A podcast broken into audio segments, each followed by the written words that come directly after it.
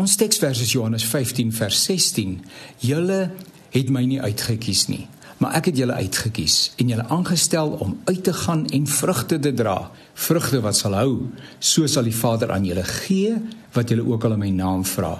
Dit beveel ek julle, julle moet mekaar lief hê. Ek het die vorige week 'n kongres bygewoon wat onder andere deur die Suid-Afrikaanse Raad van Kerke georganiseer is. En bykans alle hoofstroom denominasies is deel daarvan waaronder die NG Kerk. Ek is deur Radio Kansel afgevaardig om as media verteenwoordiger die geleentheid by te woon.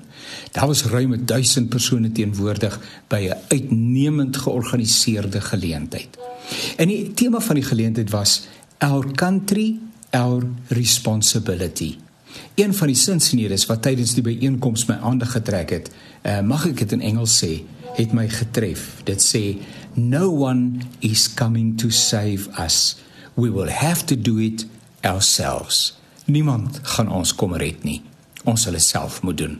En as Suid-Afrika redding nodig het op alle terreine van sy bestaan, is 'n uh, saak waaroor ons met mekaar sal saamstem.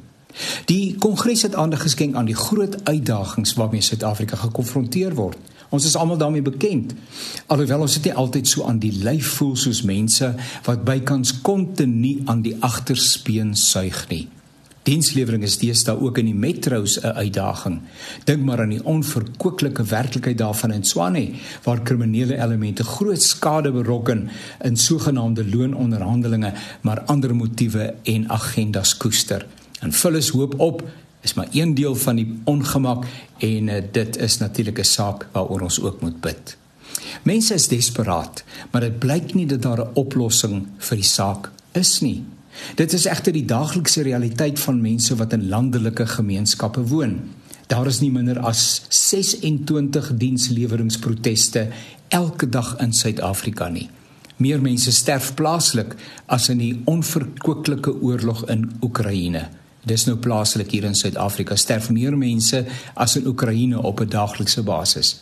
Iemand het die afgelope week opgemerk, Suid-Afrika is in 'n lae profiel oorlog gewikkel. Misdaad is buite beheer. Mense ly honger. Die regering van die dag het ons in die steek gelaat. Ons land, ons verantwoordelikheid. Die uitdaging is so oorweldigend dat 'n mens iewers in 'n hoopie wil gaan sit, sommer net wil handdoek ingooi. Maar die keuse is ons as Christene nie beskore nie. Daar's geen alternatief as dat ons die Here vra om ons asseblief te bemagtig deur sy Gees ten einde ons land uit die moeras te trek nie. Hoe doen ons dit? Ons doen dit deur onsself en ander in ons samelewingsverband, miskien gemeente of vriendekring te vra wat ons kan doen individueel en gesamentlik ten einde die land vir onsself en ons kinders en ander se kinders 'n gesonder plek te maak.